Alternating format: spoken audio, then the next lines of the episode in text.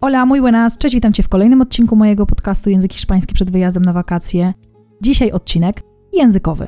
Zapraszam.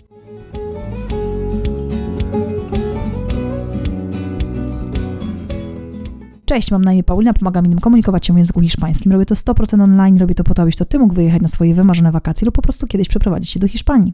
Stworzyłam swoją autorską metodę HOP, hiszpańskie obyczaje proces, według której uczę języka hiszpańskiego.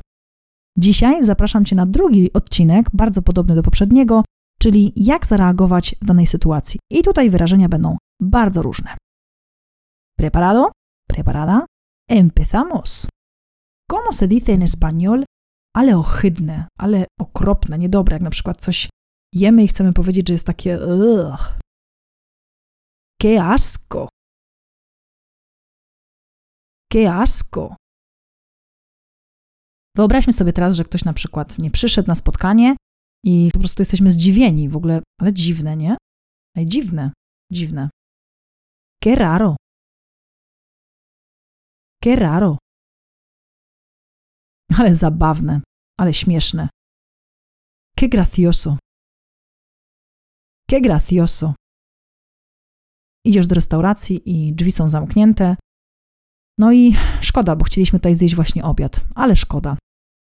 Qué pena. Qué pena. Mam nadzieję, że te gotowce będą dla Ciebie pożyteczne. No i bierzemy się za sparring. Preparado? Preparada? Empezamos. Ale dziwne. Qué raro. Qué raro. Ale szkoda. Qué pena. Qué pena. Ale ochyctwo. Qué asco. Qué asco. Ale zabawne. Qué gracioso.